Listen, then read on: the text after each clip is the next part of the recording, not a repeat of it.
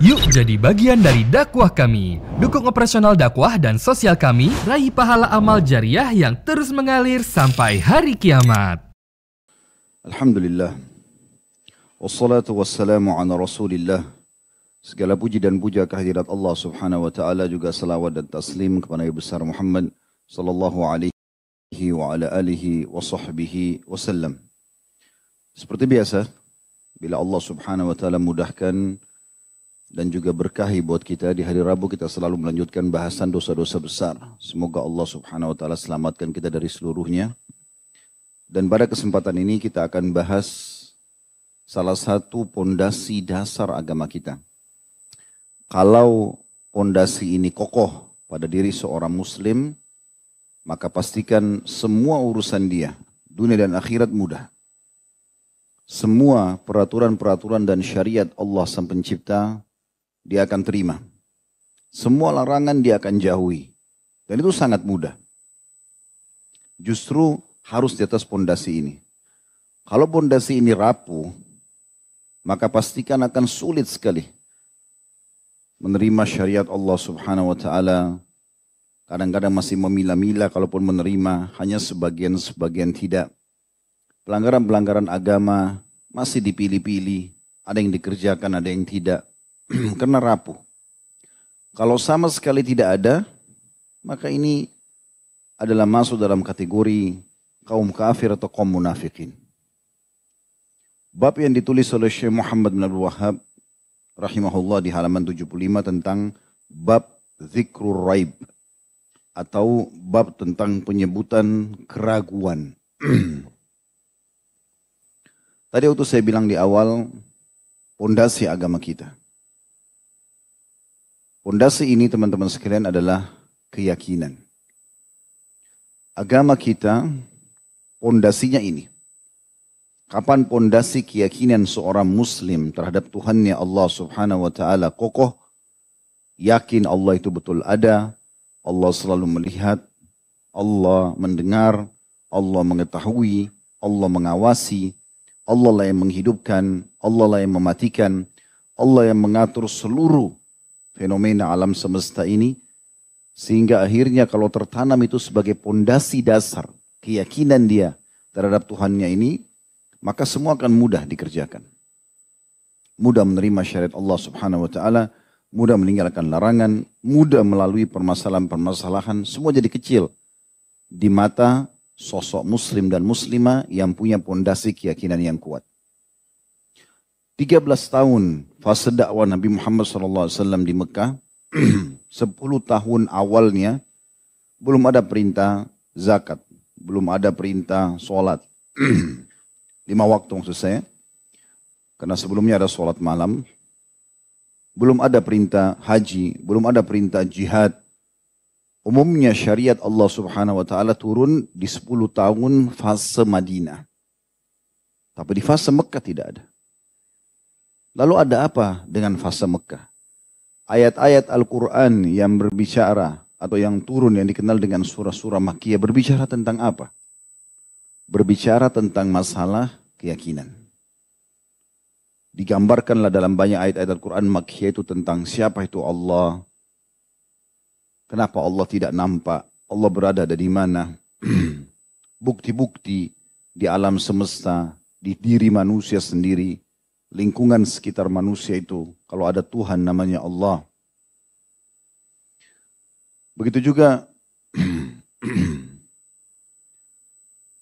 pondasi ini Selalu Nabi SAW tanamkan. Dan beliau mengatakan, Kulu la ilaha illallah tuflihu. Ucapkan dengan lisan kalian, renungi dengan fikiran kalian, yakini dengan hati kalian. Tidak ada Tuhan yang menghidupkan, yang mematikan, yang mengatur, yang menghukum, yang memberi balasan. Kecuali Allah, kalian akan beruntung.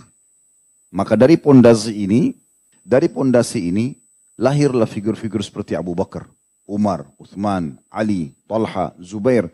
Di fase di mana pada saat itu kita bisa bayangkan sejenak merenungi beberapa detik kita seperti kembali ke fase Mekah. Waktu itu bangunan dari tanah biasa, tanah padam pasir. Tidak ada listrik, Rumah orang mungkin paling tinggi dua lantai atau tiga lantai. Nggak ada building-building. Transportasi orang masih sangat sederhana.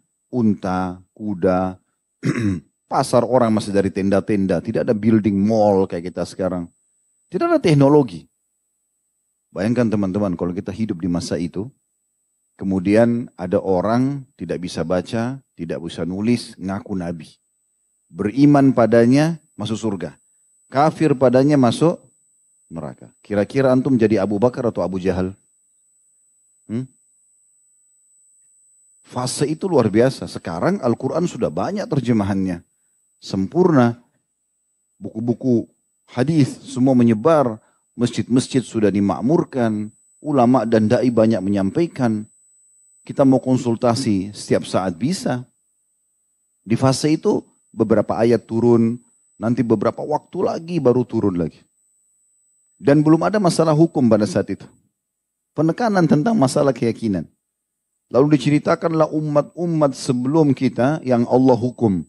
Kaum Ad, kaumnya Nabi Hud, kaum Lut, kaumnya Nabi Lut, kaumnya Nabi Shu'aib, ya. kaum uh, kaumnya Nabi Saleh, kaum Samud, dan kaum-kaum yang lainnya. Sehingga akhirnya muncul keyakinan-keyakinan di dalam hati para sahabat yang sangat kental, baru kemudian mereka diberikan pemahaman tentang masalah hukum-hukum syariat Allah subhanahu wa ta'ala. Ini hikmah yang sangat besar. Kenapa di Mekah nggak langsung turun perintah jihad, nggak langsung turun perintah haji, nggak langsung turun perintah ini dan itu. Karena memang butuh penanaman pondasi ini. Kalau ada orang ragu dengan Tuhannya Allah, misal rukun iman yang pertama, itu gaib. Kita tidak tahu Allah, belum pernah ketemu maksud saya. Tapi kita wajib yakini ada. Ini tidak mungkin kalau tidak di atas keyakinan. Malaikat, tidak nampak rukun iman yang kedua. Siapa yang pernah lihat malaikat? Bagaimana caranya supaya kita yakin malaikat? Bagaimana caranya supaya malaikat itu betul kita yakini? Ada ya kita harus fondasi keyakinan. Oh iya benar memang ada. Tidak bisa dengan nalar akal tidak mungkin. Gitu. Kitab-kitab yang sudah turun, Al-Quran depan mata kita ada. Tapi kitab Taurat, kitab Injil, kitab Zabur. Sekarang banyak orang mengaku-ngaku tapi belum tentu itu yang asli. Kita nggak hadir di masa itu. Nabi-nabi sebelum kita pun termasuk gaib bagi kita karena kita nggak lihat mereka. Kita cuma dengar kisah Nabi Musa, Nabi Ibrahim. Pernah lihat wujudnya? Kita nggak pernah lihat wujudnya. Nggak ada foto mereka sampai ke kita, nggak ada videonya. Orang mungkin sekarang mereka esa ceritanya, tapi belum tentu benar. Tentang hari kiamat, gaib. Kita nggak tahu gitu. Disebutkan tanda-tandanya, nanti akan begini, nanti akan begitu. Nggak bisa ini semua terbangun kecuali di atas pondasi keyakinan. Itu juga dengan takdir baik, takdir buruk. Bagaimana caranya orang bisa tahu, oh ini baik buat kita. Walaupun itu musibah yang datang. Pada saat tersebar fitnah berzinahnya Aisyah dengan Safwan radhiyallahu di Madinah yang terkenal kisah if sudah sering kita ulangi. Itu Allah menyebutkan dalam Al-Quran. Jangan kalian mengira musibah itu buruk buat kalian, tapi baik buat kalian. Kok bisa? Bagaimana meyakini sebuah isu gosip tentang raja kita, guru kita, nabi kita, sosok saudara-saudara istrinya selingkuh. Coba bayangkan, gimana caranya dianggap itu adalah sebuah hal yang baik. Ini semua harus ada keyakinan, pondasi keyakinan. Kalau pondasi keyakinan ini bagus, antum tidak akan pernah tinggalkan sholat malam. Gak akan pernah tinggalkan azan, gak akan bermalas-malasan. Tidak akan pernah ada perintah syariat yang kita tinggalkan. Karena keyakinannya bagus. Makanya Syekh Muhammad rahimahullah menghususkan bab dosa besar, bab keraguan, lawan daripada keyakinan. Karena ini ciri khasnya orang munafik. Setiap kali turun ayat, masa sih? Begitu mereka katakan tuh. Waktu perang Khandak, 10 ribu pasukan Quraisy dan koalisinya semuanya berkumpul di depan Khandak Jaraknya itu dekat sekali. Parit. Sampai ada beberapa ekor kuda pasukan Quraisy yang bisa loncat. Tapi tidak semua. 10 ribu pasukan ini sudah yakin mereka pada saat itu bisa menaklukkan Madinah dan merebut semuanya. Seribu orang pas sahabat ada di tempat itu, di parit. Mata, ini musuh semua dengan senjata lengkap. Akhirnya yang terjadi pada saat itu, dibangun pondasi sebuah keyakinan. Nabi Muhammad SAW dipanggil oleh seorang sahabat, ya Rasulullah, ini kita pecahin nih. Nabi SAW datang. Nabi ketuk, keluar cahaya. Allahu Akbar, umatku akan sampai menguasai Yaman. Paku yang pukul yang kedua, cahaya lagi keluar. Umatku akan menguasai negeri Syam dan dan seterusnya. Pada saat itu apa kata orang-orang munafik? Isu pertamanya nih, Muhammad ini salah, keliru. Ada bahkan yang lancang mengatakan Muhammad sudah gila. Kita bahkan tidak bisa ada jaminan tenang keluar buang hajat karena zaman itu mereka tidak ada WC dalam rumah.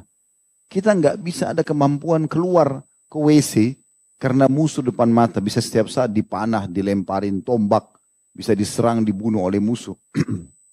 Lalu dia bilang umat Islam akan menguasai dunia. Ragu mereka, kayaknya nggak mungkin, nggak masuk akal. Tapi apa yang terjadi dengan para sahabat yang pondasi keyakinannya sangat kuat? Pada saat mereka lihat pasukan Ahzab, Allah katakan itu. Pasukan yang besar itu. Mereka mengatakan, Hada ma wa'adanallahu wa rasuluh. Wa wa rasuluh. Inilah yang Allah dan Rasulnya janjikan kepada kami. Dan pasti Allah dan Rasulnya benar. Padahal musuh depan mata. Orang-orang munafik itu tuh jadi dua kubu benar. Kubu orang beriman yakin mereka akan menang Walaupun senjatanya sangat sederhana dan setiap saat mereka bisa dibantai oleh orang-orang kafir. Mereka ini sudah petak-petakin Mekah tuh, eh, Madinah tuh. Orang Quraisy akan dapat sekian persen, uh, suku Gatafan akan dapat sekian persen, suku ini, suku itu. Orang-orang Yahudi, Kainuqa dan Nadir yang di, di Khaybar akan dapat sekian persen, sudah akan dibagi-bagi. Tambah lagi pengkhianatan suku Quraidah yang ada di kota Madinah. Mereka akan buka benteng mereka untuk masuk, memberikan pasukan Hazab masuk. Dalam kondisi seperti itu, para sahabat bangun semua itu di atas pondasi keyakinan mereka. Allah ceritakan dalam Al-Quran, mereka mengatakan, begitu lihat pasukan Ahzab datang, bayangkan antum ada di satu lokasi, depan antum ada parit kecil, ya, musuh depan sana dengan senjata lengkapnya. Sepuluh kali lipat dari pasukan muslimin. Sepuluh ribu orang, kita cuma seribu orang. Mereka langsung serentak mengatakan, Hada ma wa'adanallahu wa rasulah. Ini yang Allah dan Rasulnya janjikan kepada kami. Maksudnya setiap kali pasukan muslim ketemu sama kafir, selama kita jujur, kita beribadah kepada Allah, tidak buat tidak buat maksiat, kita pasti akan menang. Wasadaqallahu wa rasulah. Dan pasti Allah dan Rasulnya benar. Coba bayangkan. Pondasinya luar biasa gitu. Dalam kondisi genting seperti itu ya. Riwayat Bukhari, masyhur yang pernah kami sampaikan tentang serigala berbicara. Disebutkan dalam sebuah riwayat, ada seorang pengembala beberapa asar menyebutkan ini orang Yahudi, akhirnya masuk Islam dia. Pengembala domba, dia melihat ada satu serigala menerkam dombanya, lalu dikejar sama dia. Pada saat serigala itu merasa sudah capek, ya, maka dia ambil kembali dombanya, dia rampas dengan cara paksa. Lalu serigala itu duduk depannya dia. Dalam beberapa riwayat dikatakan dia naik ke atas sebuah batu tinggi supaya kelihatan oleh pengembala tersebut. Lalu dia duduk. Lalu dia bicara pakai bahasa manusia. Serigala itu mengatakan, kenapa engkau mengambil rezeki yang sudah Allah Azza wa Jal tentukan untukku? Maksudnya domba ini. Kenapa kau masih kejar? Padahal sebenarnya ini rezeki sudah Allah tentukan buat saya. Kata pengembala itu, saya belum pernah lihat keajaiban seperti hari ini. Serigala bisa bicara bahasa manusia. Lalu serigala itu bilang, kenapa kau heran? Sementara ada yang lebih ajaib di kota Madinah yang penuh dengan batu hitam dan juga kurma, ada seseorang yang mengingatkan kalian tentang masa lampau dan akan datang. Seorang Rasul, tapi orang tidak beriman padanya. Maka dengar itu, tanpa lagi dia pikirkan dombanya, dia langsung ke Madinah, dia tanya Nabi. Datang, ya Rasulullah ada ya, hai Muhammad cerita ada begini. Kata Nabi SAW, benar. Itu benar. Maka orang itu syahadat. Waktu itu, ada sebagian sahabat bimbang cerita ini. Cerita ini serigala ngomong. Tapi Nabi benarkan. Mereka diam. Lalu kata Nabi SAW, aku Abu Bakar sama Umar percaya itu. Walaupun mustahil. Gitu kan? Sudah begitu pondasi seorang muslim. Di atas keyakinan. Banyak sekali dalam masalah agama kita ini teman-teman. Tidak masuk di akal kalau kita mau pakai akal.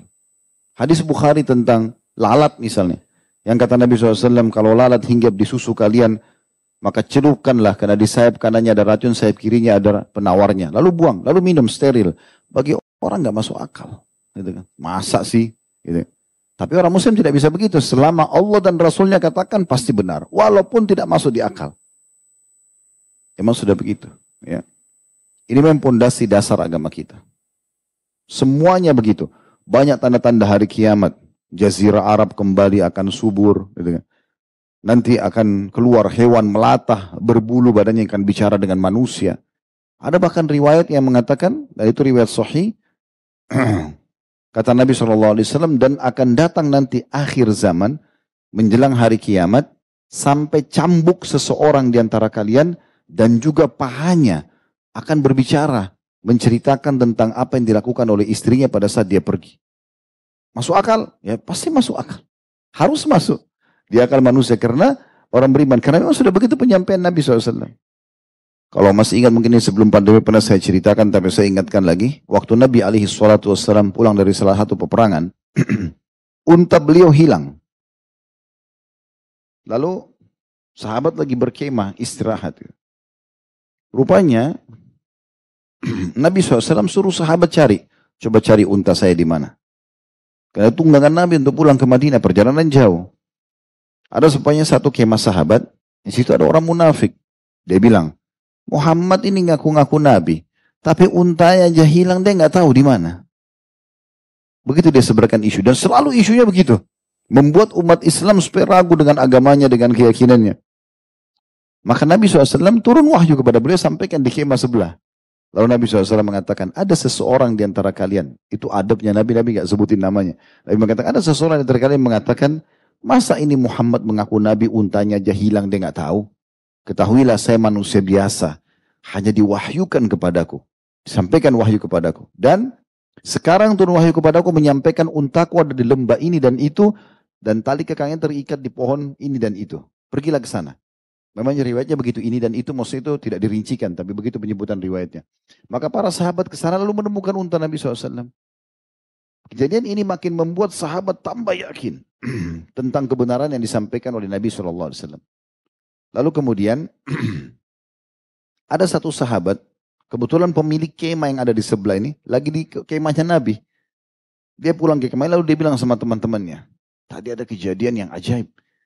Nabi SAW kehilangan unta, lalu beliau mengatakan, ada sesuatu dari kalian mengatakan Muhammad itu ngaku Nabi, tapi dia nggak tahu untanya di mana. Bagaimana bisa ngaku sebagai Nabi? Ketahuilah aku manusia biasa. Maaf. aku manusia biasa. Dan sekarang turun wahyu kepadaku kalau unta aku ada di lembah ini dan terikat di pohon ini dan itu. Ambillah. Dan kami ke sana kami temukan untanya. Teman-temannya di kemah itu bilang, kamu tahu siapa yang ngomong itu? Dia bilang tidak. Ini orangnya. Ada orang munafik di situ kebetulan. Maka pemilik kemah itu langsung datang digebukin situ munafik itu. Rupanya kamu ini yang menyebut wahyu sampai turun. Gitu kan. Pada orang seperti itu. Penuh dengan keraguan. Jadi teman-teman kita cuma berada di dua pilihan. Kita penuh dengan keyakinan dan akhirnya hati kita tenang dengan keimanan. Atau masih ragu dan akhirnya bisa tipis sekali iman atau bahkan bisa pindah ke orang munafik. Ini belum kita bicara hal-hal besar ini, baru tanda-tanda hari kiamat banyak. Umat Islam akan terjadi peperangan besar nanti sama Bani Asfar, banyak. Keluarnya Dajjal, ya.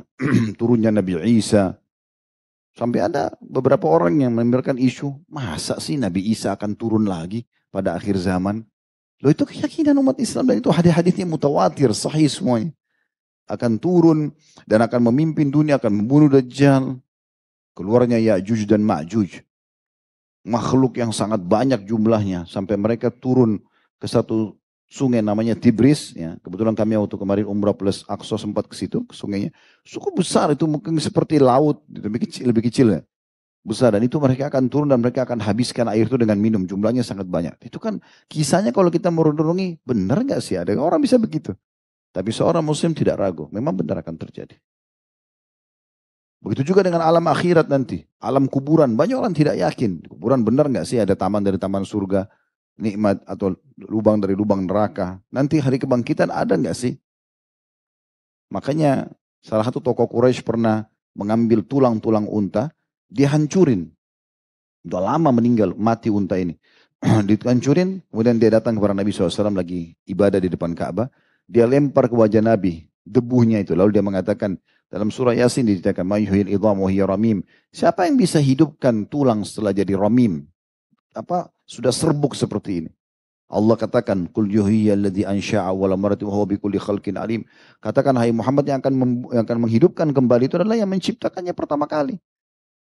Allah mampu untuk itu. Jadi memang bab keraguan ini dimasukkan oleh Syekh Muhammad sebagai bab dosa di sini karena memang masuk akal gitu. Karena orang kapan ragu dia tidak mau kerjakan. Ragu benar nggak sih balasannya? Ragu benar nggak begini? Orang-orang komunis sekarang, mereka malah katakan itu. Orang Islam mengaku syahadat bersaksi pada tidak pernah lihat Allah. Bersaksi bahwasanya Muhammad utusan Allah. Dia tidak, mereka tidak pernah ketemu nama sama Muhammad. Saya pernah lihat cuplikannya itu ada orang komunis yang ngomong gitu. Bagaimana mereka bisa yakin?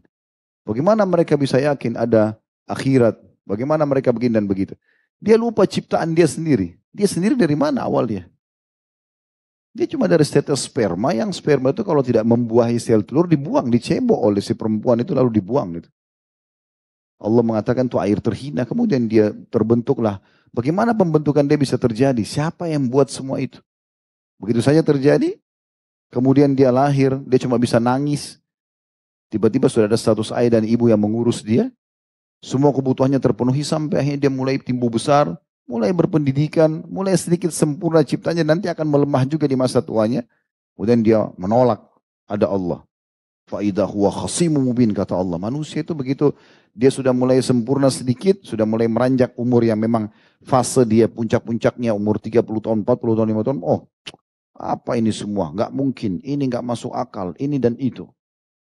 Nah ini semua bahasan yang sedang kita singgung tentang masalah itu. Baik saya akan coba bacakan Dalil yang pertama diangkat oleh Syekh Muhammad rahimahullah tentang tidak bolehnya ragu. Ayat Al-Quran dalam surah Al-Hujurat ayat 15. Bunyinya, Innamal mu'minuna alladhina amanu billahi wa rasulihi thumma lam yartabu wa jahadu bi amwalim wa anfusim fi sabilillah ulaika humus sadiqun. Artinya, sesungguhnya orang-orang yang beriman itu hanyalah orang-orang yang beriman kepada Allah dan Rasulnya Kemudian mereka tidak ragu-ragu dan mereka terus berjuang dengan harta dan jiwa mereka di jalan Allah. Mereka itulah orang-orang yang benar. Jadi dari ayat ini ada potongan thumma lam yartabu. Saya ulangi terjemahnya sesungguhnya orang-orang yang beriman itu siapa mereka yang dikatakan beriman? Yaitu orang-orang yang beriman kepada Allah dan Rasulnya. Allah yakin ada, semua yang Allah janjikan benar, semua yang Allah ancam juga benar. Semua yang sudah kita kerjakan dari amal soleh kita akan dapat balasannya. Semua orang yang berbuat dosa tidak bertobat akan dihukum. Tidak ada keraguan dalam masalah itu. Kemudian kata kata Allah SWT, kemudian mereka tidak ragu-ragu dan mereka terus berjuang. Berjihad dengan harta dan jiwa mereka jalan Allah. Mereka itu adalah orang-orang yang benar. Para sahabat itu teman-teman, kalau dipanggil Nabi SAW mengatakan jihad. Tidak ada satupun yang tinggal di rumahnya, kecuali kaum munafik. Pasti mereka sudah di sab pertama. Di masa itu ya, belum ada banyak perangkat kayak kita sekarang yang harusnya kita harus lebih yakin gitu. Lalu mereka hadir di medan perang. Mereka siap tumpahkan darah mereka dan mereka berlumba-lumba. Di perang Uhud itu pada saat tersebar isu oleh Ibnu Qami'ah. Kalau Nabi SAW sudah terbunuh, maka Umar bin Khattab, Sa'ad bin Abi Ubadah, Sa'ad bin Ubadah, Sa'ad bin Abi Waqqas, semuanya pada duduk mereka kayak bingung di awal Islam Nabi sudah meninggal. Lewat satu sahabat, lalu dia mengeruskan pedangnya lalu dia menebus musuh. Umar sempat tanya, kau mau ke mana? Dia bilang, saya mau menuju ke surga. Saya mencium bau surga di pasukan itu di arah Uhud. Umar bilang, tapi Rasulullah SAW sudah meninggal. Lalu sahabat ini ucapkan kata-kata, yang akhirnya membakar kembali semangat para sahabat yang lain, termasuk Umar sendiri. Dia mengatakan, kalau seandainya Rasulullah SAW terbunuh, maka berdirilah supaya kalian juga terbunuh bersamanya. Lalu kemudian dia menembus musuh sampai pada saat selesai peperangan, semua jenazah sahabat ditemukan kecuali orang ini. Gak ditemukan kecuali jempolnya. Itu pun dikenal oleh saudara perempuannya. Oh ini jempol kakak saya. Karena habis cabit-cabit oleh musuh. Tapi mereka tidak peduli dengan itu. Kok bisa gini? Ini karena keyakinan. Dia sangat yakin. Betul-betul apa yang Nabi SAW katakan bahwasanya seorang mukmin akan langsung diperlihatkan surganya, diperlihatkan apa yang Allah janjikan, begitu menetes darah pertama dari tubuhnya kalau dia mati syahid. Itu kan butuh keyakinan, nggak semudah itu. Kita sekarang ambil silet, silet aja jari kita sedikit, kita tidak mau kan? Gimana kalau kita biarin orang main tebas leher kita, main tusuk, ini nggak gampang, harus ada keyakinan. Nggak semudah itu. Makanya ini pondasi dasarnya. Allah katakan di sini, "Tsumma lam yartabu" dan mereka tidak ragu-ragu sedikit pun. Itu juga dari yang kedua Al-Baqarah ayat 4 sampai ayat 5. Ayat yang masyhur, "Walladzina yu'minuna bima unzila ilaika wa ma unzila min qablika wa bil akhirati hum yuqinun, ulaika ala hudan min rabbihim wa ulaika humul muflihun." Orang-orang yang beriman kepada kitab Al-Quran yang telah diturunkan kepadamu dan kitab-kitab yang diturunkan sebelummu. Taurat, Injil, Zabur. Serta mereka yakin akan adanya kehidupan akhirat. Mereka itulah yang mendapat petunjuk dari roh mereka dan mereka lah orang-orang yang beruntung. Yakin kehidupan akhirat. Yakin ada surga, yakin ada balasan dari amal soleh. Yakin ada orang zalimi saya, saya akan dapat. Kalau saya, dia tidak kembalikan di dunia, saya akan dapat di akhirat sana. Yakin. Sehingga hidupnya tenang sekali. Orang beriman tuh. Dia dapat nikmat, dia bersyukur. Dapat cobaan, dia bersabar. Dan dia sangat yakin dia akan temukan nanti di mahkamah keadilan Allah subhanahu wa ta'ala. Gitu. Jadi semua detik-detik hidupnya semua diisi dengan ketaatan-ketaatan. Meninggalkan yang dilarang. Karena keyakinannya sangat bagus. Kemudian dijela dari yang ketiga beliau angkat surah Al-Jathiyah ayat 32 yang bunyinya wa idza qila inna wa'dallahi haqqun was-sa'atu la raiba fiha qultum ma nadri mas-sa'atu in nadhunnu illa dhanna in nadhunnu illa dhanna wa ma nahnu bimustayqinin. Apabila dikatakan kepada kalian sesungguhnya janji Allah itu benar Sholat, puasa, zakat, haji, ibadah-ibadah, bakti sama orang tua, senyum dengan muslim, bantu orang susah, jenguk orang sakit, semuanya. Itu benar. Dan apa yang diancamkan juga benar. Berdusta, menipu, menggunjing, memukul, membunuh, mencuri, semua akan dihukum. Kalau dikatakan kepada kalian, maksudnya orang-orang ya yang penuh dengan keraguan, sesungguhnya janji Allah itu benar dan hari hari berbangkit itu tidak ada keraguan padanya. Niscaya kalian akan menjawab, kami tidak tahu apakah hari kiamat itu. Kami sekali-kali tidak lain hanya menduga-duga saja. Dan kami sekali-kali tidak meyakininya. Dan ini ciri orang munafik. Mereka selalu saja berkecimpung dalam dosa-dosa justru karena keraguan saja. Poinnya itu. Lalu beliau kuatkan dengan hadis-hadis Nabi alaihi salatu wassalam. Dimulai dari Muadz bin Jabal berkata dalam majlisnya setiap hari, Jarang sekali dia melewatkannya, selalu dia ulang-ulangi. Allahu hakamun qistun wahalakal murtabun. Allah itu hakim yang adil. Siapa pun yang berbuat zalim pasti akan dihakimi oleh Allah. Siapa yang berbuat ketaatan akan diberikan balasan. Dan binasalah orang-orang yang ragu. Selalu Muadz bin Jabal ulangi di majlisnya kata-kata ini. Allah itu adil pasti akan memberikan balasan kepada orang yang patuh dan hukuman pada orang yang melanggar. Dan binasalah orang-orang yang ragu. Gak boleh ragu. Tentang masalah balasan amal soleh kita. Uniknya kadang-kadang ada sebagian orang, dia kerja di satu perusahaan, dia yakin dia akan terima gaji akhir bulan. Kenapa? Karena dia pikir perusahaan ini bonafit misalnya. Oh karena ini ownernya orangnya terpercaya. Atau perusahaannya terpercaya. Atau-atau gitu. Bagaimana dia tidak yakin dengan Tuhan yang menciptakan dia dari tidak ada menjadi ada, yang akan menjanjikan segala macam janji-janjinya. Berapa kali Nabi SAW menanamkan itu para sahabat, kepada para sahabat. Pada saat Hamzah terbunuh di perang Uhud, Nabi SAW mengatakan, aku diperlihatkan Hamzah sedang bersandarkan di dipan-dipannya di surga. Ja'far bin Abi Thalib radhiyallahu anhu pada saat meninggal, aku diperlihatkan Ja'far sedang terbang bersama malaikat dan kedua tangannya yang diputu, dipotong oleh musuh itu diganti dengan sayap oleh Allah Subhanahu wa taala sampai ya diberikan julukan dengan Ja'far at-Tayyar. Begitu juga pada saat Nabi SAW melihat sahabat Handalah radhiyallahu anhu yang menikah di malam Uhud. Kemudian habis subuh dia baru berhubungan biologis, belum sempat dia mandi junub, tiba-tiba panggilan jihad dikumandangkan. Belum mandi langsung pergi jihad. Mati bersama dengan para syuhada pada saat itu. Waktu disusun jenazahnya, Nabi SAW lihat satu persatu. Pas lihat Handalah, Nabi SAW alihkan pandangan. Kata para sahabat, ya Rasulullah, apakah ada yang buruk menimpa Handalah? Dia bilang tidak.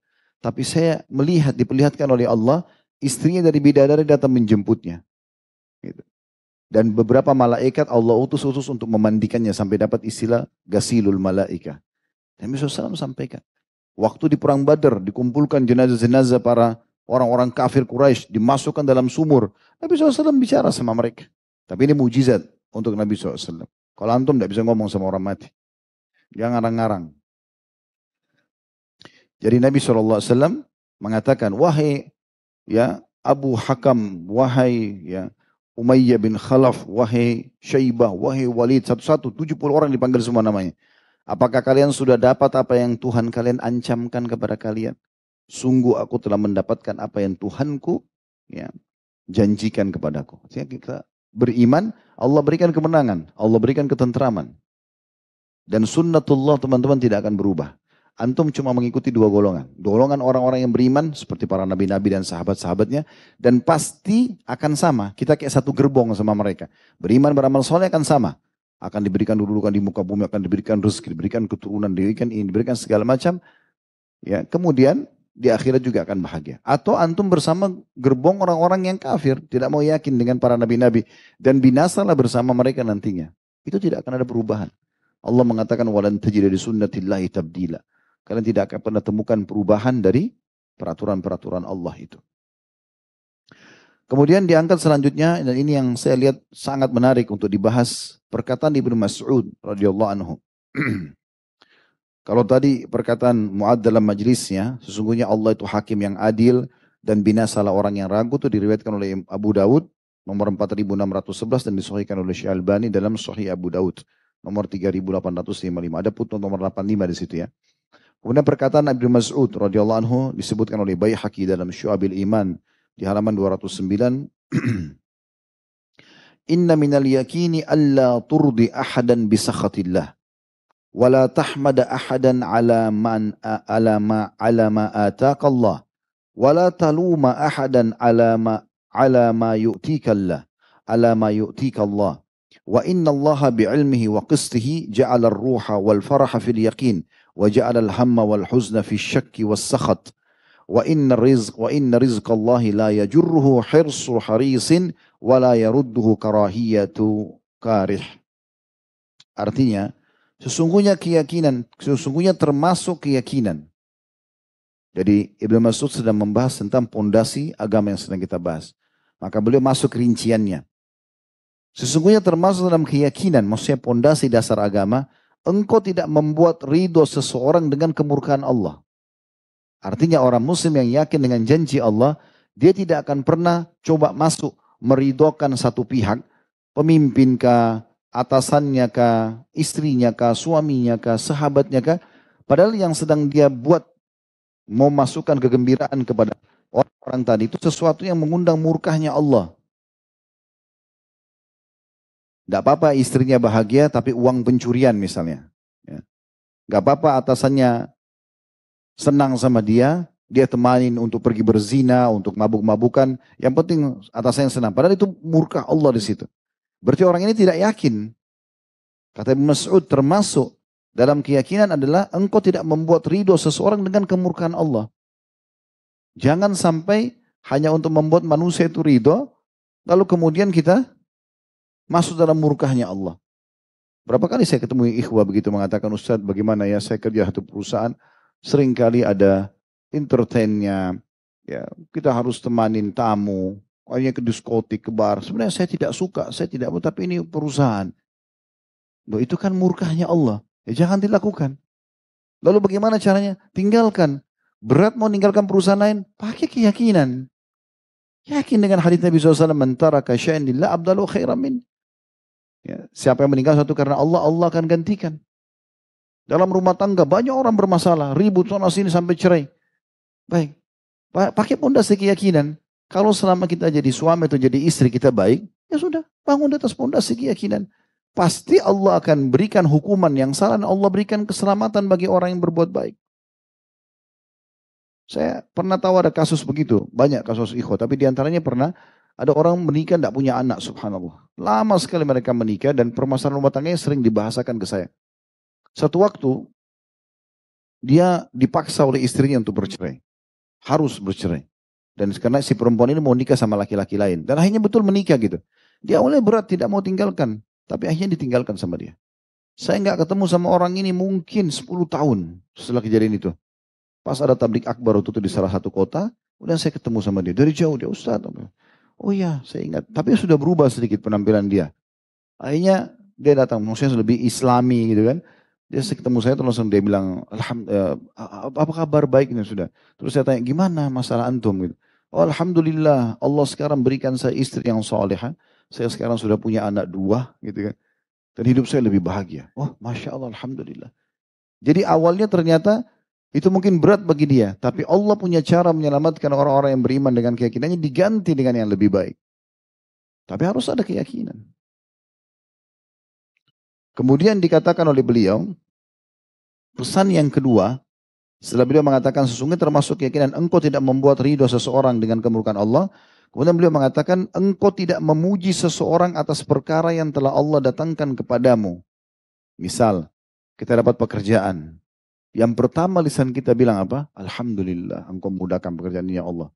Jangan bilang, oh ini, ini, ini, jasanya luar biasa. Dia lupa, tidak bilang Alhamdulillah. Orang itu, padahal orang ini cuma Allah datangkan saja. Apa berarti kita tidak boleh terima kasih sama orang Ustaz? Boleh. Jazakallahu khairan. Tapi jangan berlebihan. Jangan seakan-akan nikmat yang sedang datang dari manusia itu, itu salah. Dia menjadi penyebabnya, dia dapat pahalanya. Memang sudah begitu. Tapi jangan seakan-akan dia semua semuanya gitu. Tidak. Terus dilupakan Tuhannya. Ini termasuk keraguan kata Ibnu Mas'ud. Engkau tidak memuji seseorang atas perkara yang telah Allah datangkan kepadamu. Ya. Kemudian yang ketiga, wala taluma ahadan ala ma Allah. Dan engkau tidak mencela seseorang atas perkara yang telah Allah berikan kepadamu. Jadi misalnya kita melamar kerja tapi tidak diterima. Lalu teman kita yang melamar diterima. Oh pasti itu dia ya, bayar, pasti dia begini dan begitu. Padahal sebenarnya Allah memang belum memberikan kepada kita. Selalu bersangka baik aja. Ini pondasi keyakinan. Saya pernah bertemu dengan satu pengusaha muda di Surabaya, habis tablik akbar di Al waktu itu. Berapa belas tahun yang lalu ini ceritanya. Dia bilang, Ustaz bagaimana saya memahami ini? Saya ya, sama teman-teman saya ini masuk ke satu proyek dan kita masuk semuanya. Semuanya kita punya perusahaan sama, eh, tingkatannya bagus semuanya.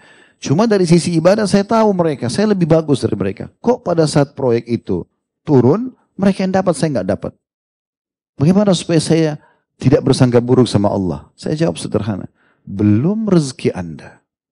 Selesai. Belum rezeki tidak akan sampai. Kalau rezeki biar kita dulu di rumah akan sampai kepada kita. Bagaimana caranya? Keyakinan. Harus yakin. Jadi kalau ada yang tidak sampai kepada kita walaupun kita sudah kejar-kejar belum rezeki kita. Selesai. Sederhana kok. Simple aja. Makanya Hasan Basri mengatakan aku selalu tenang dan senang karena aku tahu rezekiku sudah Allah tentukan dan tidak akan pernah diambil oleh orang lain. Berapa banyak orang sakit hati gara-gara ini? Ya. Tidak jadi menikah sama fulan. Oh itu memang dia begini dan begitu. Memang belum jodohnya. Selesai. Memang Allah belum takdirkan. Ya udah nikah sama orang lain, toh sama saja judulnya manusia. Beda casing saja. Oh, saya kalau tidak mati sama tidak menikah sama ini saya mati. Nanti mati benar. Perempuan semua sama, judulnya perempuan kan gitu. Laki-laki semua sama, judulnya laki-laki. Yang membedakan keimanannya, itu yang benar. Tapi sudah mau mati, jadi gila karena tidak nikah sama orang ini, ini bodoh ini. Penuh keraguan. Yakin saja. Dunia sebentar akan dilalui kan. Tuh juga ada bidadari yang super cantik di akhirat sana. Tapi butuh keyakinan. Ya Pak ya? Ah betul. Baik, nanti kita lanjutkan insyaAllah setelah salat. Subhanakallah bihamdika. Asyadu an la ilaha illa anta astaghfiruka wa atubu ilaik. Assalamualaikum warahmatullahi wabarakatuh. Assalamualaikum warahmatullahi wabarakatuh. Alhamdulillah wassalatu wassalamu ala rasulillah.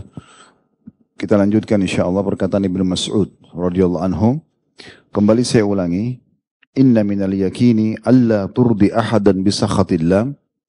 Sesungguhnya termasuk keyakinan adalah engkau tidak membuat ridho seseorang dengan kemurkaan Allah. Sudah kita rincikan tadi masalah ini. Wala tahmada ahadan ala ma. Dan juga jangan engkau memuji seseorang atas perkara yang telah Allah berikan kepadamu.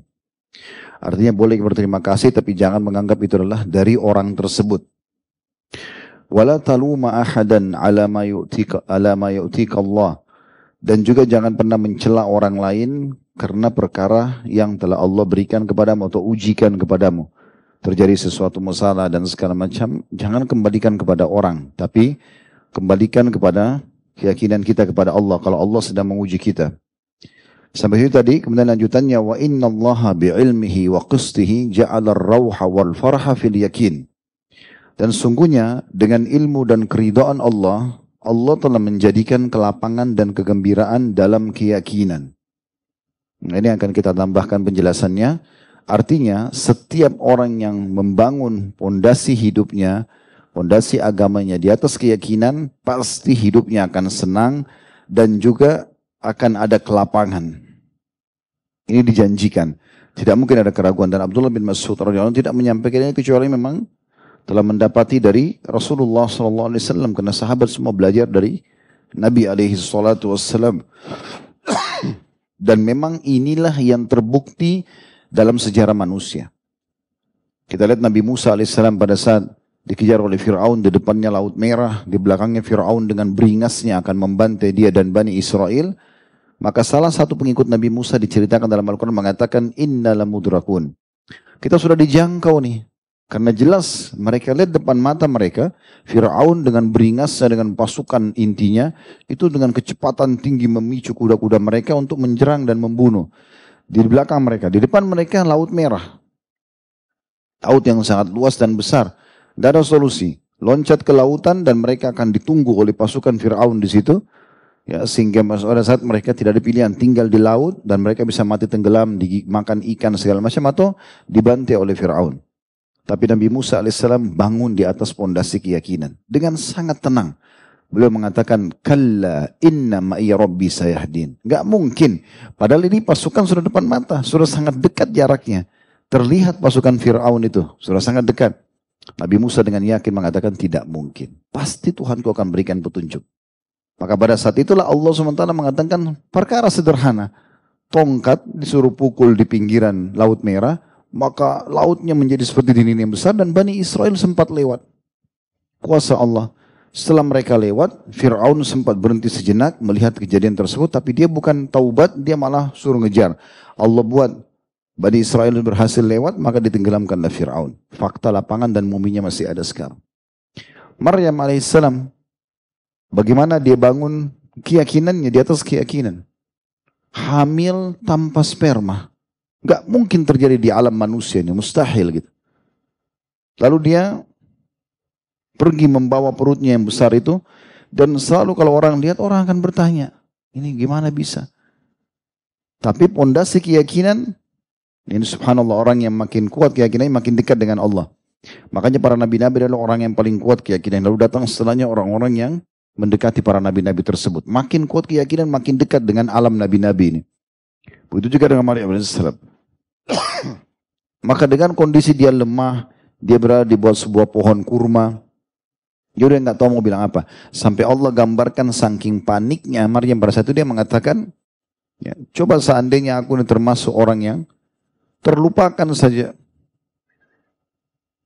Nasya mansia sudah dilupain aja kayak tidak pernah ada sebelumnya gitu. Daripada harus menghadapi ini hamil tanpa suami, kemudian di bawah pohon sendirian. Tapi karena dibangun di atas pondasi keyakinannya, akhirnya Allah Subhanahu wa taala wahyukan kepadanya untuk menggoncangkan pohon kurma. Ini coba pikir secara akal sehat ya. Pohon kurma ini sama pohon kelapa. Mustahil gitu kalau digoncang pakai tangan bisa goyang itu nggak mungkin. Apalagi oleh wanita yang lagi hamil mau melahirkan coba. Kekuatannya di mana? Tapi Allah suruh goncang, dia goncang. Betul-betul jatuh kurma-kurma itu. Allah katakan dalam Al-Quran. Di atas keyakinan semua. Nabi Muhammad SAW diusir dari kota Mekah, dari kota Taif. Tapi Nabi SAW dulu di bawah sebuah pohon dengan kondisi berdarah-darah, kakinya sudah berdarah, keringatan panas. Dia mengatakan, ya Allah ke mana engkau akan menjalan, mengarahkan aku? Ke masa depan yang tidak jelas atau musuh yang tidak jelas. Tapi kalau kau tidak marah padaku, aku tidak peduli ya Allah. Lalu Allah ceritakan itu dalam buku-buku sirah, ya, bagaimana keyakinan beliau dan banyak sekali yang berhubungan dengan masalah ini. Bahkan teman-teman sekalian, tidak akan diterima ibadah seseorang tanpa keyakinan. Sudah pernah dengar hadis tentang doa kan? Udu'u rabbakum mukinuna bil ijabah.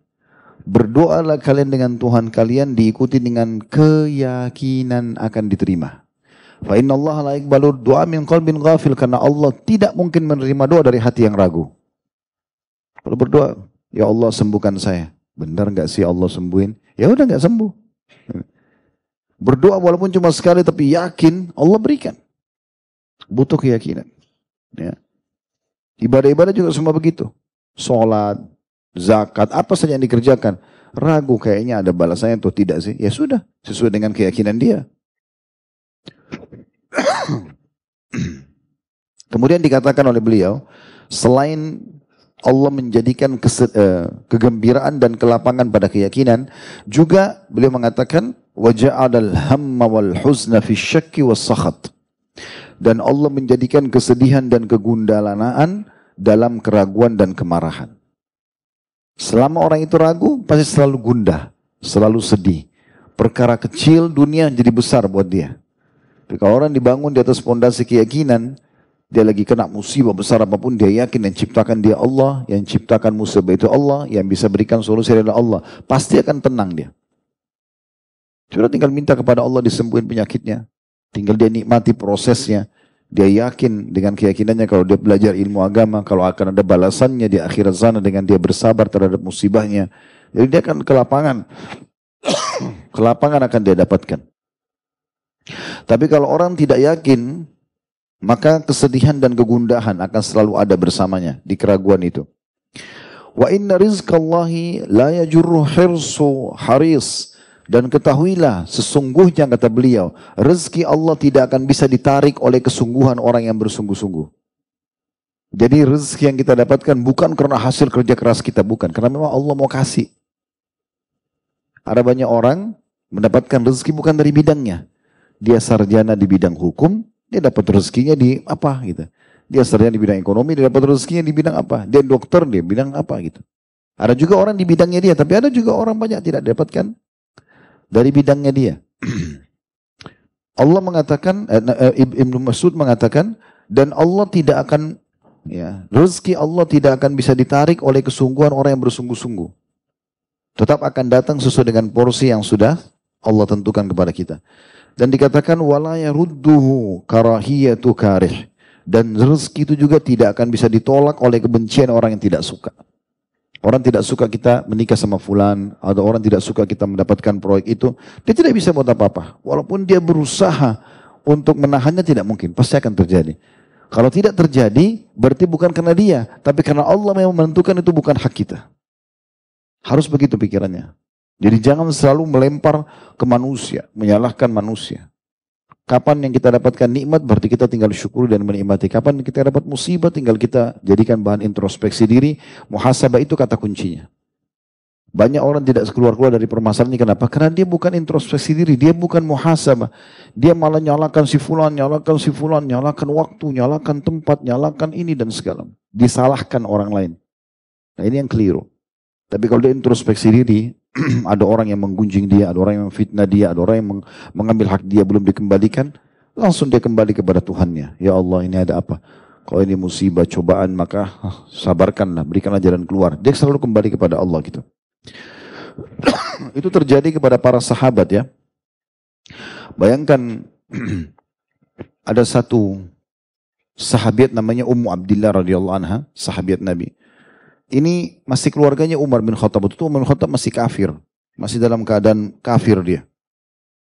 Dan waktu itu yang jaga malam kota Mekah, waktu itu cuma satu pintu gerbang namanya pintu Bani Syaibah, itu Umar bin Khattab. Dan orangnya sangat keras. Setiap pagi keluar cuma siksa orang beriman, orang muslim, kemudian dia istirahat malam. Dan dia bilang sama orang muslim yang dia siksa itu, saya berhenti siksa kamu bukan karena kasihan, tapi karena sudah malas saya capek.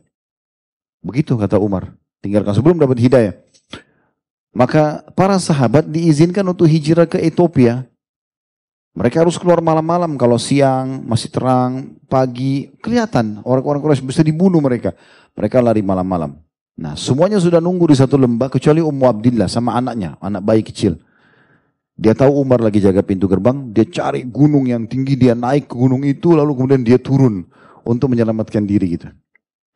Sambil dia berdoa kepada Allah dengan penuh keyakinan, Ya Allah berikanlah jalan keluar kepada hambamu ini. Aku ingin menyelamatkan agamaku. Berdoa gitu. Begitu dia turun, di bawah gunung itu, lereng gunung itu Umar bin Khattab lewat. Masih jadi kafir waktu itu. Maka Umar mengatakan, wahai Umar Abdillah, kau mau ke mana?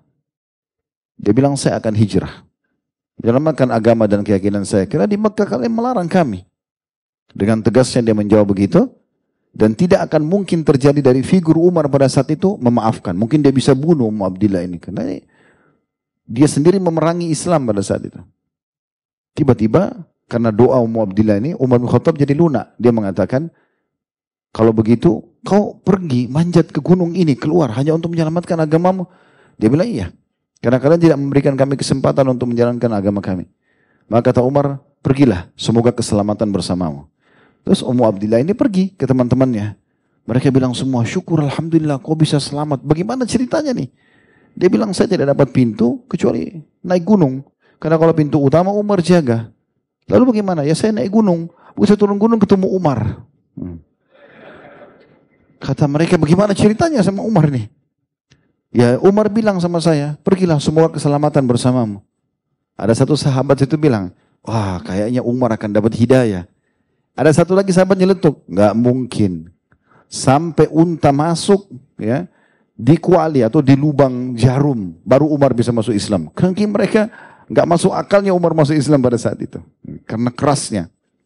Tapi keyakinan Mu'abdillah dan para sahabat ini berbeda. Membangun di atas itu dan bisa saja kata sebagian ulama ya, sebagian ada yang mengatakan bisa saja justru karena perkataan sahabat ini atau doa Ummu Abdillah yang menyebabkan Umar bin Khattab masuk Islam. Itu contoh saja. waktu Sumayyah radhiyallahu anha disiksa oleh Abu Jahal. Sebelum Abu Jahal, ada beberapa budak-budak dia yang disuruh oleh Abu Jahal siksa. Sambil siksa, dipukulin, berdarah-darah di panas matahari. Ini wanita yang pertama mati syahid dalam Islam, Sumayyah. Ya, kalau Allah kasih antum anak perempuan, namakan nama ini supaya mengenang. Jadi kisahnya luar biasa gitu. Dia wanita pertama di dalam Islam. dia sama suaminya Yasir disiksa. Tapi pada saat lagi disiksa, lagi berdarah-darah, ada yang budak ini merasa kesian sama dia. Budaknya Abu Jahal dan katakan, apa kau tidak merasa sakit begini? Terus kenapa tidak mengalah saya sama Abu Jahal gitu kan? Walaupun kau harus bohong. Maksudnya bilang saja iya, saya tidak beriman kepada Muhammad supaya kau tidak disiksa. Maka Muab, eh, si Sumaya mengucapkan kalimat unik nih. Dia mengatakan, sesungguhnya yang membuat kalian menguji kami seperti ini adalah Allah. Allah lagi menguji iman kami. Dia nggak salahin budaknya Abu Jahal yang menyiksa dia. Yang membuat ini terjadi adalah Allah. Allah sedang menguji iman kami dan kami akan bersabar. Sampai hanya beliau dibunuh oleh Abu Jahal setelah itu. Coba bagaimana pondasi keyakinan itu luar biasa. Semua bersangka baik dengan Allah. Gitu. Jadi di sini beliau menutup mengatakan sungguhnya rezeki Allah tidak akan ditarik oleh kesungguhan orang yang bersungguh-sungguh dan tidak akan bisa ditolak oleh kebencian orang yang tidak suka. Saudara kita akan sampai kepada kita. Kemudian beliau menutup dengan dua dalil di sini. Ada perkataan Umar bin Khattab. Kalau tadi perkataan Ibn Mas'ud itu disebutkan oleh Bayhaqi dalam Syu'abil Iman. Tadi sudah kami sebutkan ya halaman 209. Kemudian beliau mengangkat juga perkataan Umar bin Khattab pada hari Hudaybiyah. Hudaybiyah sebuah lokasi sekitar 80 km dari Mekah. Ada kesepakatan Hudaybiyah antara Nabi SAW dengan Quraisy ya. Pada saat Nabi ingin umroh setelah perang Ahzab. Pas tiba di Hudaybiyah, ya, unta Nabi SAW tidak mau jalan. Duduk di situ. Pas dekat bendera tanda wilayah haram. Lalu orang-orang Quraisy keluar dengan 3000 pasukan ingin menghadap muslimin tapi mereka heran kenapa muslimin tidak masuk. Kalau muslimin masuk ke dalam wilayah haram mereka tidak bisa ganggu. Tapi dengan hikmah Allah unta Nabi duduk. Dan sebagian sahabat ada yang coba membangunkan unta tersebut ada yang sampai memukul unta suruh bangun untanya nggak mau. Lalu ada yang mengatakan sepertinya unta ini tertimpa sesuatu masalah. Maksudnya kayaknya unta ini ada masalahnya kok tidak mau masuk ibadah nih gitu kan. Maka kata Nabi SAW tidak. Tapi yang memberhentikan dia adalah yang telah menahan gajahnya Abraha untuk menghancurkan Ka'bah. Coba Nabi SAW masih pada saat itu bersangka baik, untanya nggak mau jalan. Oh ini berarti Allah yang berhentikan. Pasti ada hikmahnya. Berhenti di situ. Maka semua sahabat berhenti. Orang-orang Quraisy pun bingung. kok sudah sampai di wilayah perbatasan ini eh, kalau sekarang kan ada kayak gapura ya, perbatasan haram. Kalau zaman dulu tuh pakai tombak, ada benderanya. Jadi itu tidak orang kalau di luar haram beda dosanya dengan orang kalau di daerah haram berbuat dosa gitu kan. Di wilayah haram itu nggak boleh dicabut pohonnya, nggak boleh dibunuh hewannya, banyak sekali larangan-larangannya. Maka mereka pun orang Quraisy berkemah di hadapan muslimin. Lalu terjadi negosiasi di kesepakatan Hudaybiyah. Panjang lebar kisahnya tentunya ini ada mungkin teman-teman bisa nonton kajian sirah kami kisah Hudaybiyah. Tapi yang jelas saya ingin ringkaskan waktu itu terjadi negosiasi yang alot sampai ada beberapa poin yang membuat sahabat sebagian berat. Seperti misalnya uh, siapa pun di antara umat Islam yang masuk uh, yang siapa pun penduduk Madinah, eh, siapa pun penduduk Mekah yang masuk Islam, maka wajib dikembalikan ke Mekah. Dan siapa pun orang Mekah yang masuk Islam ke Madinah, wajib juga dikembalikan. Eh, siapa yang masuk Islam dari penduduk Mekah dikembalikan ke Mekah. Siapa yang murtad dari penduduk Madinah keluar dari Islam ke Mekah tidak boleh diminta. Maka kesempatan ini memberatkan sahabat. Sampai waktu awal yang menulis akad kesepakatan damai itu adalah Ali bin Abi Thalib. Di situ disuruh tulis oleh Nabi SAW, tulislah Bismillah dari Muhammad Rasulullah. Ya kepada Suhail, sehingga saya namanya Suhail, orang kafir Quraisy yang waktu itu menjadi penerima. Lalu kata Suhailnya, saya nggak yakin kau Rasulullah, kenapa harus tulis Muhammad Rasulullah? Kata Nabi SAW, hapus. Ali mengatakannya Rasulullah. Saya nggak bisa menghapus nama anda, eh, julukan anda Rasulullah. Nabi hapus dengan baju beliau. Ya, sehingga terhapus di situ. Lalu kemudian ditulislah kesepakatan poin-poin. Nah, di antaranya poin-poin tadi itu. Nah, Umar bin Khattab ini merasa berat pada saat itu. Kenapa kita harus hinakan diri kita? Kita 1400 orang, kita mampu menyerang Mekah. Maka Umar ini tidak tahu mau bicara sama Nabi, khawatir dia datang kepada Abu Bakar. Abu Bakar cuma mengatakan, "Hai Umar, ini adalah Rasulullah. Di mana kakinya pijakin, di situ kamu harus ikuti." Harus yakin dengan itu. Nabi ini bukan sembarangan orang, dia dengan wahyu berjalan. Ya kan? Maka Umar mengatakan, setelah itu saya coba menahan diri saya. Ikutin saja. Dan beberapa sahabat ada juga yang merasakan seperti Umar. Kenapa kita harus hinakan diri kita? Gitu kan? Sampai pada saat itu Nabi SAW bilang, sudah Allah menyuruh kita pulang ke Madinah. Cukur rambut kalian. Tidak ada satu sahabat pun berdiri mau cukur rambutnya. Karena mereka masih berharap wahyu turun berbeda. Suruh serang Mekah saja. Toh kita sudah 1400 orang. Waktu itu mereka pikir, antum bayangin di perang Badar cuma 314. Di perang Uhud cuma 700 orang. Ini 1400 orang. Pasti lebih kuat. Di perang Ahzab saja, Khandak itu cuma 1000 sahabat. Ini 1400, lebih banyak. Dan sudah di pinggiran wilayah haram. Harusnya kita nyerang saja. Dan waktu itu mereka bawa pedang. Cuma pedang untuk menjaga keamanan dari perampok-perampok. Akhirnya Umar bin Khattab dan para sahabat ada masih duduk mereka tidak mau cukur rambut karena berharap berubah wahyu bukan membangkang dari Nabi gitu. Maka Nabi SAW masuk ke kemah itu ada Ummu Salam radhiyallahu istri Nabi SAW. Lalu melihat Nabi sedih Ummu Salam bertanya, "Ya Rasulullah, kenapa?" Kata Nabi SAW, "Mereka saya khawatir turun azab karena Allah sudah suruh cukur rambut pulang Madinah mereka masih belum mau bergerak." Kata Ummu Salam, "Ya Rasulullah, coba Anda mulai dulu." Maka Nabi SAW mengatakan betul, ide yang bagus. Nabi keluar, panggil tukang cukurnya, lalu kemudian beliau cukur. Waktu sahabat lihat, maka semua sahabat ikut cukur. Karena mereka yakin tidak mungkin lagi berubah keputusan itu. Tapi tadi Nabi belum cukur rambut, berarti masih bisa kemungkinan berubah. Gitu ya. Akhirnya pada saat itu Umar pun mengatakan, untuk mem untuk membuat dirinya tenang, kenapa kok pasukan seribu uh, oh, muslim 1400 orang harus dihinakan pulang ke Madinah nggak boleh umroh pada saat itu tahun depan baru boleh. Yang masuk Islam dari penduduk Mekah harus dipulangkan ke Mekah. Yang yang masuk yang murtad dari penduduk Madinah harus ya, tidak boleh ditarik kembali ke Madinah dan tidak boleh dihukum. Banyak kesepakatan yang mengganggu. Maka Umar mengatakan ini kalimatnya. Jadi kalau teman-teman baca sendiri tanpa mengikuti apa yang saya baru sampaikan tadi mungkin tidak faham. Di sini ada perkataan Umar beliau mengatakan fa'amil lidzalika a'mala maka aku pun melakukan amalan-amalan untuk itu. Hadis riwayat Bukhari. Maksudnya, aku pun akhirnya coba memperbanyak ibadah-ibadah yang aku kerjakan untuk membangun pondasi keyakinanku bahwasanya ini pasti benar hikmahnya, nggak mungkin salah. Dan Umar mengatakan setelah berjalan waktu baru betul Umar mengetahui hikmah daripada kejadian tersebut karena Allah ceritakan dalam Al-Qur'an itu. Jadi ternyata di Mekah itu ada penduduk-penduduk Mekah, mereka menyembunyikan keislamannya.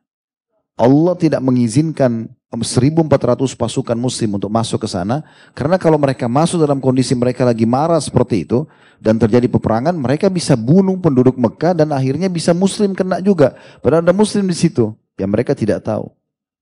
Allah mengatakan kalau bukan karena itu mungkin Allah sudah izinkan dengan hikmah Allah Subhanahu wa taala dan dengan kejadian ini ternyata 10 tahun muslim sama orang-orang kafir Quraisy tidak boleh berperang dan dengan itu Nabi SAW leluasa untuk menghukum orang-orang yang memang menyerang Madinah dengan pasukan Ahzab. Selain Quraisy. Karena Quraisy ini yang paling banyak pasukannya. Waktu itu 4 ribu dari 10 ribu itu. Sisanya semua gabungan gitu. Maka Nabi SAW leluasa menyebarkan Islam. Pada saat itu tidak diganggu lagi oleh orang Quraisy, tidak ada penyerangan ke Madinah dan seterusnya. Jadi Umar mengatakan, maka aku membangun supaya tidak ada keraguan dengan keyakinan. Yang terakhir adalah hadis yang diangkat riwayat Imam Muslim oleh beliau dari Al-Abbas radhiyallahu anhu paman Nabi SAW yaitu yang bunyinya Imani man radiya billahi wa bil islami dina wa bi telah merasakan manisnya iman orang yang ridho Allah sebagai Robnya. Maknanya apa? Yakin Tuhannya Allah dan semua keputusan yang ada dalam hidupnya adalah dari Allah. Baik atau buruknya, itu rukun iman kita yang kelima, eh, yang keenam. Ya, kalau baik berarti dia tinggal syukuri, kalau itu buruk berarti dia ya dia yakin ini adalah sedang datang ujian dari Allah Subhanahu wa taala.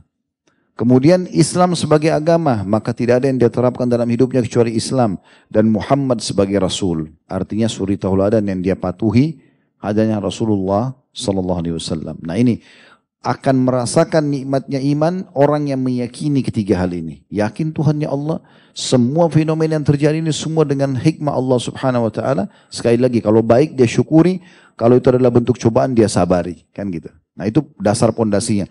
Lalu dia jadikan Islam sebagai pegangan hidupnya sampai mati. Kemudian juga dia menjadikan Nabi Muhammad SAW sebagai rujukannya. Maka dia akan merasakan kenikmatan iman pada saat itu. nah ini bahasannya insya Allah Subhanakallahumma bihamdika asyhadu an la ilaha illa anta astaghfiruka wa atubu ilaik. Wassalamualaikum warahmatullahi wabarakatuh.